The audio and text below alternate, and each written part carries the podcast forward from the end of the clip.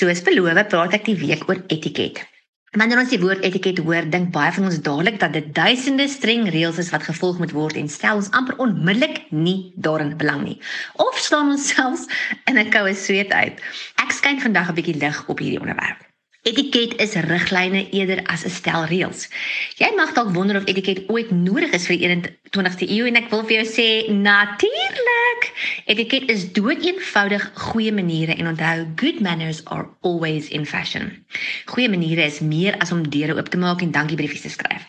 Alhoewel dit lekker is om deure vir ander oop te maak of 'n handgeskrewe dankiebriefie te ontvang, gaan ware etiket oor 'n bietjie meer as net dit om goed gemanier en bedagsaam te wees, wys vir ander mense dat jy hulle respekteer. Dit skep 'n goeie indruk en dit sal jou help om uit te staan vir die regte redes.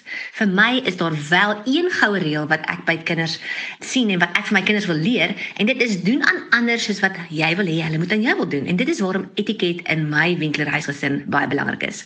Daar is verskillende tipes etiket en ons gesels die week oor tafeletiket en volgende week bietjie oor sosiale etiket. Voordat ons begin, is dit belangrik om te weet wat die vier toorwoorde is. Ons almal ken hulle want dit is vir ons van kleins af al geleer. En as kind het dit my altyd gehelp om 'n gedrag aan te leer as ek verstaan hoekom dit belangrik is om dit te doen. So die woorde is nommer 1, asseblief, 2, dankie, nommer 3, verskoon my en uiteindelik die gebruik van mag in plaas van kan.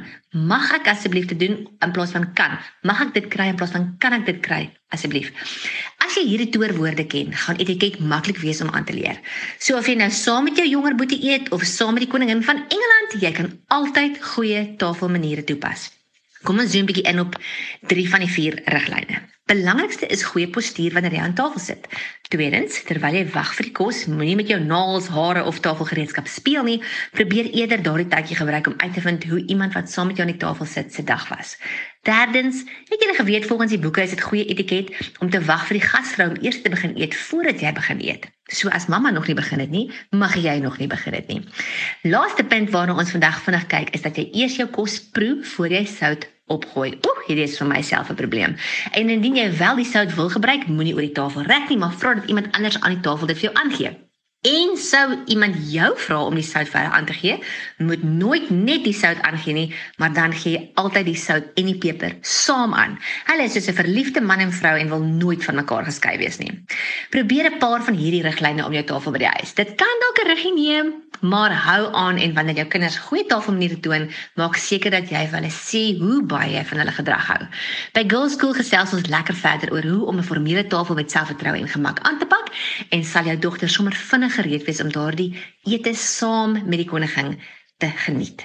Soek ons op sosiale media en deel bietjie met ons julle fotootjies as gesin om die etenstafel.